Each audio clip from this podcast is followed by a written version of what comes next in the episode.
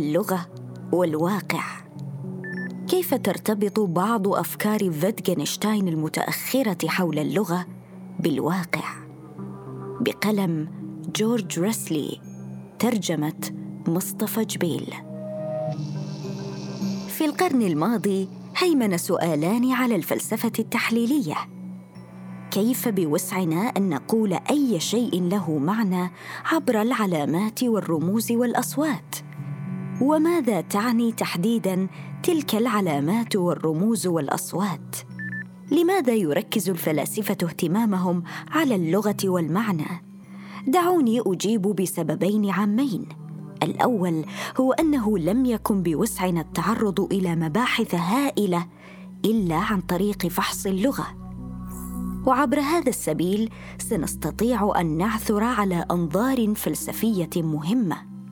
والسبب الآخر هو الأثر الكبير الذي تركه الفلاسفة الذين اهتموا باللغة على الفلسفة من بعدهم خاصة فلاسفة بريطانيا وأمريكا. فلنتكلم قليلا عن السبب الأول.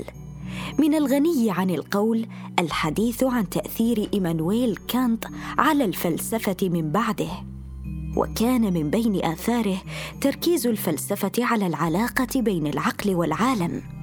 أي طبيعة العلاقة بين الوعي الذاتي والعالم الموضوعي. وقد شرح كانت العلاقة بينهما في مقولات يجب علينا أن نحوزها كي نعيش خبرات ذات معنى في العالم. لكنه لم يفكر في تلك المقولات والمفاهيم من منظور لغوي لأنها بالتأكيد كانت لتسبق اللغة عنده. لكن مع الوقت انتقل الفلاسفة تدريجيا من الاهتمام بمقولات ينتجها العقل إلى تصورات تنتجها اللغة. إذ بدأ الفلاسفة بحث دور اللغة في العلاقة بين العقل والعالم ودورها وسيطة في خبراتنا به. وإلى جانب كانت كانت توجد قوة دافعة أكبر وراء تركيز فلسفة القرن العشرين على اللغة. وهي فكرة أننا إن قدرنا على فهم منطق اللغة وتحليل كلامنا كي لا يضللنا نحوه السطحي فإننا سنتمكن من الإجابة عن الأسئلة الفلسفية الخلافية كلها. أو من وجهة نظر أخرى سنثبت أنها محض مشاكل زائفة.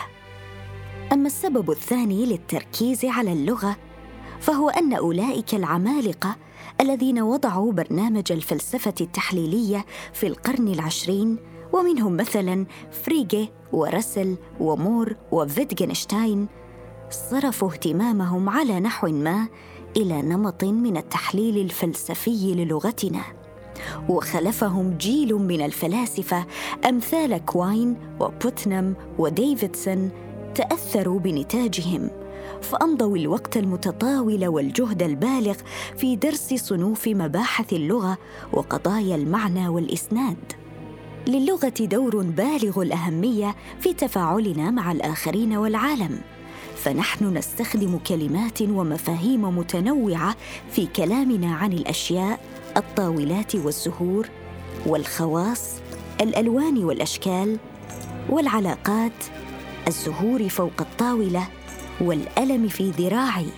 فنحن نعبر عن مشاعرنا ونطرح الأسئلة ونأمر ونقول نكات ونحكي قصصا ونغني اغان وغير ذلك. لنرجع إذن إلى أسئلتنا الأولى. كيف نفعل كل تلك الأشياء باللغة؟ وكيف تكتسب علامات ورموز وأصوات بعينها؟ معنى ما وما معناها على التحديد.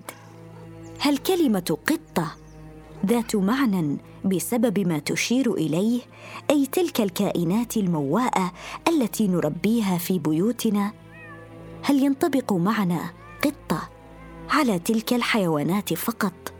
والأهم هو هل يحدد العالم تصوراتنا أي هل نحاول باستخدام اللغة أن نعكس أنواع الأشياء والخواص والعلاقات المتعددة الموجودة بالفعل؟ أم أن العالم منفتح أمام تصوره بطرق مختلفة؟ كدرت أسئلة كهذه صفو فيتغنشتاين فحاول الإجابة عنها في كتابه الأول رسالة منطقية فلسفية. لكنه لاحقا وجد أوجه قصور في تلك الإجابات وعبر عن تحوله الفكري في عدد من المذكرات والمسودات غير المكتملة التي نشرت في العقود التي تلت وفاته وأشهرها كتاب بحوث فلسفية الذي كان يعده للنشر قبل وفاته عام 1951 لكنني سأعتمد على أعماله المتأخرة كلها في هذا المقال. معيارية اللغة وقواعد النحو. أحد جوانب المعنى اللغوي المهمة أنه معياري أي أنه ثمة طرق صحيحة وأخرى خاطئة لاستخدام الكلمات. وإن استخدمنا الكلمات خطا فلن نقول شيئا له معنى. إن قلت مثلا كانت النافذة كلبا. فقد أخطأت استخدام إما نافذة وإما كلب بطريقة تجعل من كلامي لغوا. وهذه المعيارية لها دور مهم في آراء فيتغنشتاين المتأخرة عن اللغة. فقد ربط في كتاباته المتأخرة على نحو واضح بين مفهومي المعنى اللغوي واستخدام اللغة. كانت طبيعة العلاقة التي رآها بين المعنى والاستخدام محل جدال كبير لكنني سأحاول تجنب الخوض في التفاصيل الخلافية. لكن يمكننا أن نقول إنه توجد علاقة مهمة عند فيتغنشتاين بين استخدام اللغة أي ما نؤديه بها ومتى نقوله وأين وبين معنى الأصوات التي نصدرها والرموز التي نكتبها. استخدامنا اللغة عند فيتغنشتاين مقيد كما قطع الألعاب مقيدة بقواعد اللعبة مثل حركة الملك في الشطرنج مثلا. لذلك انتقل في فلسفته المتأخرة إلى مفهوم القاعدة اللغوية أو ما أسماه تسمية ملبسة قليلا قواعد النحو. هذه القواعد النحوية هي تلك المعايير التي نقيم بها ما إن كان الكلام له معنى. لكن ليس من الضروري أن يكون هذا التقييم صريحا. فطالما أننا تعلمنا اللغة ذاتها وننتمي إلى مجتمع المتحدثين نفسه فسأقيم استخدامك اللغة بتحقق فهمي لما تقول أو لا. إن حركت طابية الشطرنج مثلا حسب ما تنص القواعد فلن نختلف لأنني أفهم حركتك. لكن القواعد موجودة خفية رغم ذلك. وإن حركت الطابية قطريا يجب أن نستحضر القواعد وأذكرك بها. وبالمثل إن أخطأت في كلامك فإني إما سأصحح خطأك وإما سأسألك عن قصدك. وقد تستلزم إجابتك استحضار قواعد النحو. لكن ما الذي يعنيه فيتغنشتاين تحديدا بقواعد النحو؟ أكد فيتغنشتاين أنه كان يستخدم مصطلح النحو بمعناه العادي لكنك بالتأكيد لن تجد الأمثلة التي وضعها لقواعد النحو في أي كتاب نحو معتاد. فمن بين الأمثلة شيء طوله أربعة أمتار والأريكة أطول من الكرسي. وهذا أحمر قالها وهو يشير إلى شيء أحمر. والتصديق ليس تفكيرا. يكمن جزء من الفكرة في أن قواعد النحو هي الأشياء التي نقولها للآخرين عندما نشرح لهم معنى كلمة أو تعبير ما. فعندما نتكلم مثلا مع طفلة ونخبرها بأن ذلك الشيء أربعة أمتار ثم تسألنا إن كان هذا يعني أنه ثقيل يمكننا أن نقول إن طوله أربعة أمتار. أو إن كنا نحاول فهم ما نقصده من تصديق شيء فربما نذكر أنه يوجد فرق في استخدامنا كلمتي تصديق وتفكير. وبالتالي يوجد فرق بين التصديق والتفكير فالمرء قد يصدق شيئا دون أن يفكر فيه وقد يفكر في شيء دون أن يصدقه. إذا تقيد قواعد النحو عند فيتغنشتاين بمعياريتها ما نعنيه بالكلمات والتعبيرات وتلك القواعد هي ما تحدد المعنى اللغوي. أحد جوانب النحو الأخرى المرتبطة بأهميته للمعنى هو الطريقة التي يهيئ بها الظروف للتحدث القصدي عن العالم. وباستخدام أحد مجازات فيتغنشتاين المتأخرة توجه القواعد النحوية كلامنا عن العالم كما توجه ضفتان نهر مياهه. كما يوضح في كتابه النحو الفلسفي كتب بين عامي 1930 و 1933 يكمن جزء من الفكرة في أن القواعد النحوية لا تحدد صدق كلامنا عن العالم أو كذبه بل إن دورها توفير الظروف لمقارنة قضايانا العيانية بالواقع كي نحدد ما إذا كانت صادقة أم كاذبة. علينا أن نلاحظ بضعة أشياء كي نتجنب الالتباس. اولا لا يستلزم اتباع قواعد النحو والكلام القصدي معرفة تلك القواعد كلها مسبقا. ولا يستلزم حتى الاقتدار على ذكر القواعد النحوية كلها لأي كلمة. وأحد أسباب ذلك أنه ليس معقولا أن يتحدث المرء عن مجموع القواعد النحوية.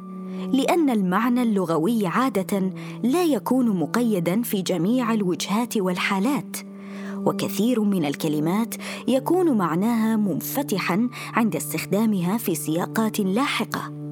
ثانيا لا تكون التعليقات أو العبارات قواعد نحوية لكونها على شكل ما أو حالة متحررة من السياق بل لطريقة استخدامها في سياق ما. فقد تسألنا طفلة تتعلم أسماء الألوان عن اللون الأحمر مثلا. حينئذ يمكننا أن نشير إلى شيء أحمر ونقول هذه الزهرة حمراء. ما قلناه في هذه الحالة يعد قاعدة نحوية لكن إن كنا نتكلم مع شخص مصاب بعمى اللونين الأحمر والأخضر وسألنا عن لون القميص فأجبناه هذا القميص أحمر فإننا بهذا لم نقدم قاعدة نحوية بل قضية عيانية أي قضية تصف إحدى سمات العالم الذي نخبره. ثالثا لمفهوم الألعاب اللغوية دور كبير في فلسفة فيتغنشتاين المتأخرة. والمقصود باللعبة اللغوية الطريقة التي يستخدم بها الناس عادة الكلمات والعبارات والإيماءات وتعبيرات الوجه وغيرها للتواصل في موقف معين. إن نظرت إلى تطور كتابات فيتغنشتاين بعد رسالة منطقية فلسفية فستجد تحولا من التركيز على النحو إلى التركيز على الألعاب اللغوية في سياق حديثه عن المعنى. لكن جنوح فيتغنشتاين لمفهوم الألعاب اللغوية لم يحل دون إقراره بمعيارية اللغة وأهمية القواعد النحوية. كما أن ذلك التحول لا يعني رفض النحو فقواعد النحو تعتبر جزءا جوهريا من الألعاب اللغوية. لكنه يعني التحول إلى منظور أكثر انفتاحا لاستخدام اللغة والإقرار بأن كلماتنا ذات معنى حتى إن لم تكن مقيدة تماما بالقواعد. اعتباطية النحو ودور الواقع. لربط فيتغنشتاين المعنى بالاستخدام عدة تبعات مهمة. طرحت قبل قليل سؤالا عما إذا كانت كلمة قطة ذات معنى لأنها تشير إلى الكائنات الأليفة التي نحبها. نميل إلى الاعتقاد بأنه طالما أن اللغة تمثيلية أي أن محورها الأشياء فهذا يعني أن تلك الموضوعات كالقطط والطاولات والأفكار والمشاعر هي ما تكسب اللغة معناها. لكن فيتغنشتاين يرفض هذه النظرة إلى اللغة. صحيح أننا نتكلم عن حشد كامل من الأشياء ونشير إليها لكن المعنى لا يأتي من تلك الأشياء ذاتها بل من استخدامنا الكلمات في سياقات معينة ولوجود طرق صحيحة وخاطئة لاستخدام الكلمات والتعبيرات. وكما قلت مسبقا استخدام اللغة مقيد معياريا بقواعد النحو. وذلك الاستخدام يقره المجتمع كقواعد اللعبة. تمنحنا هذه الطريقة في مقاربة اللغة والمعنى أنظارا معتبرة وإحدى ثمارها تأكيد فيتجنشتاين على طبيعة اللغة العمومية إذ تأتي نسبة كبيرة من المعيارية التي تولد المعنى من استدراك الأخطاء والاستفسار عن القصد وتصحيحات الآخرين لكلامنا. خاصة عندما نتعلم لغة ما. وأحد الجوانب الأخرى أن كثيرا من لغتنا يكتسب معناه نتيجة لسياقه العمومي فقط. صحيح أن بوسعنا أن نسائل أنفسنا ونحملها على بعض الأشياء بيد أن المغزى من هذا السلوك كثيرا ما يكون ملتبسا علينا. ومن الأسئلة المرتبطة بهذا السياق إمكانية وجود لغة خاصة وهذا يتضمن التفكير فيما نعنيه عندما نتكلم عن الأحاسيس التي تنتابنا.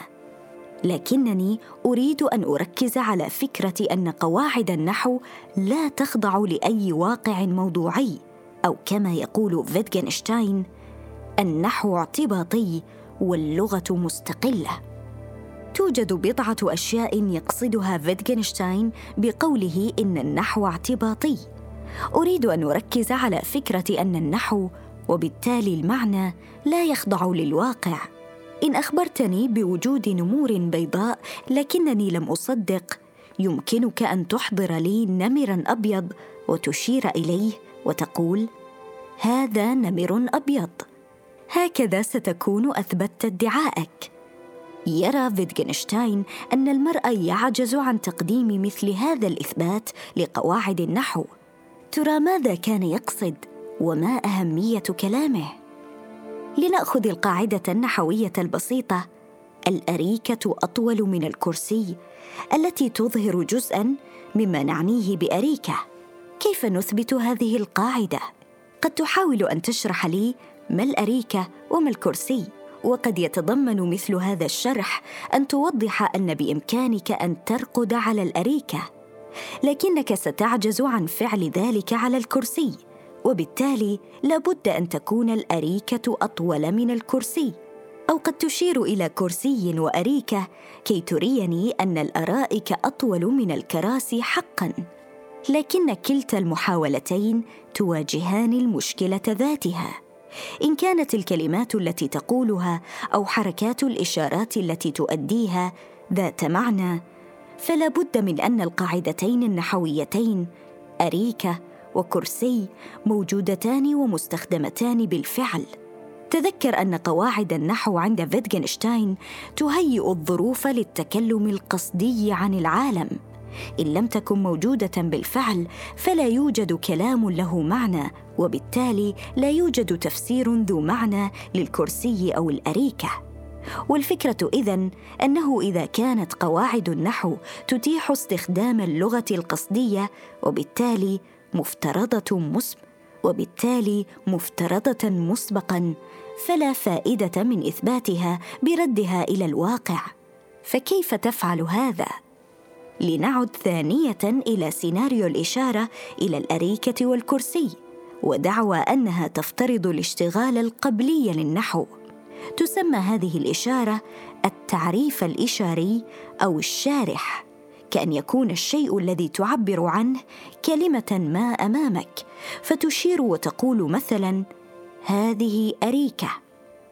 وقد تناول فيتجنشتاين مفهوم التعريف الإشاري بشيء من التفصيل.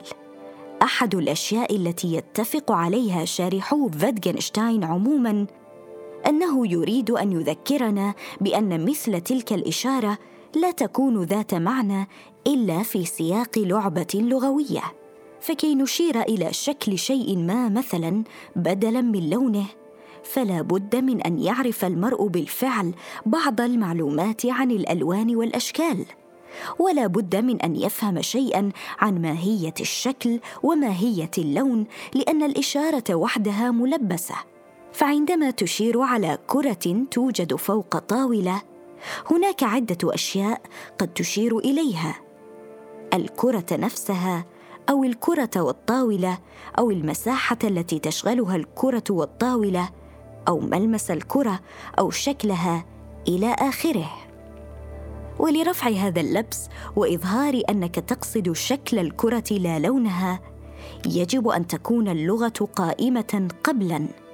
اذا في حالة الأريكة والكرسي يجب أن تكون القواعد النحوية التي تخص الأرائك والكراسي موجودة بالفعل كي تكون الإشارة إليهما مبينة لا لبس فيها. اذا فاللغة كيان مستقل. لأنها لا تحيل إلى الواقع. لكن كيف يعني هذا أن النحو اعتباطي؟ من المهم أن نذكر أن هذا لا يعني أن النحو والمعنى تابعان للأهواء ولا يقيدهما أي شيء بل يعني أن الواقع الموضوعي غير البشري لا يحدد أي لا يحتم تصوراتنا وأساليب كلامنا. لكننا بالنظر إلى بنية أجسامنا وعلاقتنا بعالمنا المعقد والآخرين لدينا احتياجات ورغبات معينة تساعد في تشكيل لغتنا والتصورات التي نشكلها عن العالم وعن أنفسنا. فإن كانت أنماط حياتنا المادية والاجتماعية مختلفة فما كنا لنستخدم التصورات نفسها. إننا نتكلم عن الصخور والطاولات والكراسي والكتب والمشاعر والحكومات إلى آخره. نقسم العالم إلى أنواع مختلفة. قد يبدو أنه توجد طريقة صحيحة وأخرى خاطئة لفعل هذا. بالتأكيد توجد قطط وكلاب والقطط بلا شك مختلفة عن الكلاب. وكذلك توجد بلا شك ذرات وشموس ونجوم. لدينا هذه التصورات تحديدا لأننا عن طريقها نمثل حقيقة العالم تمثيلا دقيقا. وهذا الموقف جزء مما كان يعارضه فيتغنشتاين فالعالم إذا جاز التعبير لا ينحت نفسه ليصبح أشياء. والنحو اعتباطي بمعنى أنه لا تقيده إلا احتياجاتنا ورغباتنا وإلى حد ما طريقتنا في إدراك الحقائق الأساسية عن بيئتنا وموقعنا فيها. قد نقسم العالم بطريقة مختلفة إن اختلفت احتياجاتنا أو حقائق بعينها عن موقعنا في العالم أو إدراكنا له. يتركنا هذا الفهم لاعتباطية النحو في موقف محرج على عدة نواح. فمن جانب يبدو أنه يتعارض مع ما قد نسميه هدف العلم البحث في طبيعة الواقع الموضوعي وتطوير نظرية تفسر ذلك الواقع على أفضل وجه. فنحن اكتشفنا مثلا أن جزيئات الماء تتكون من ذرتي هيدروجين وذرة أكسجين H2O وسيبقى الماء H2O بغض النظر عن كلامنا. ومن زاوية أخرى ثمة إشكال فلسفي أكثر مركزية. يقول فيتجنشتاين في الفقرة 373 من بحوث فلسفية تخبرنا القواعد بنوع الموضوع الذي يكون عليه أي شيء لكنه يظل مبهما لدينا ما مبلغ اعتباطية قواعد النحو في هذا السياق وإلى أي مدى نحن الذين نحدد لا العالم نوع المواضيع الموجودة. ايعني هذا لدرجة ما أن ما يوجد تابع للغتنا؟ أي أنه من دون اللغة وبالتالي من دوننا لن يكون ثمه تجسد لعالمنا؟ يبدو أن هذا احتمال بعيد. ويصطدم هذا بمشكلة أن النحو نفسه يبدو مقيدا بالعالم. بالحقائق الأساسية المتعلقة ببنية أجسامنا واحتياجاتنا وبيئتنا. إن كانت تتطلب تلك الأشياء النحو ليشكلها فإنها ستكون عاجزة عن تقييده. هل يعني هذا إذن أنه يوجد عالم مستقل عن لغتنا وعنا لكنه إلى درجة ما طيع قابل لطرق تشكيله المختلفة؟ وليس من الواضح هنا معنى أن نقول إن العالم طيع إن كان العالم موجودا قبل استخدامنا اللغة فلا بد من أنه يملك طبيعة محتومة مستقلة. فما معنى أن تكون تلك الطبيعة المحتومة طيعه أرى أننا سنبتعد كثيرا في محاولة فهم مقصد فاتجنشتاين بكلامه عن اعتباطية النحو وأهميته للمعنى إن حصرناه في مسألة علاقة الواقع نفسه بلغتنا. صحيح أنها مسألة مهمة، لكن فاتجنشتاين أحيانا على الأقل لا يريد أن يحل مثل هذه المشاكل الفلسفية بل يفضل أن يظهر أنها مبنية على سوء فهم ولدته اللغة. توجد دروس أهم لنتعلمها من اعتباطية النحو من وجهة نظر فاتجنشتاين فاللغة مثلا لا تكتسب معناها بأن تعكس الواقع والمعنى ليس نتيجة المواضيع التي تشير اللغة إليها. لكنها تكتسب معناها من طريقة ومكان استخدامنا إياها وفقا لقواعد النحو والمواقف اليومية المتنوعة التي نتعرض لها. ولأننا نحن الذين نحدد بشكل ما الأشياء الموجودة عبر استخدامنا اللغة فعندما نريد أن نبحث تلك المواضيع وسماتها مثلا المواضيع الفلسفية المهمة كالفكر والمعنى والمعرفة والإيمان. ينبغي علينا أن ننظر في طريقة استخدامنا اللغة لأننا نعجز عن فصل الأشياء نفسها وتشكيل سماتها بمعزل عن اللغة.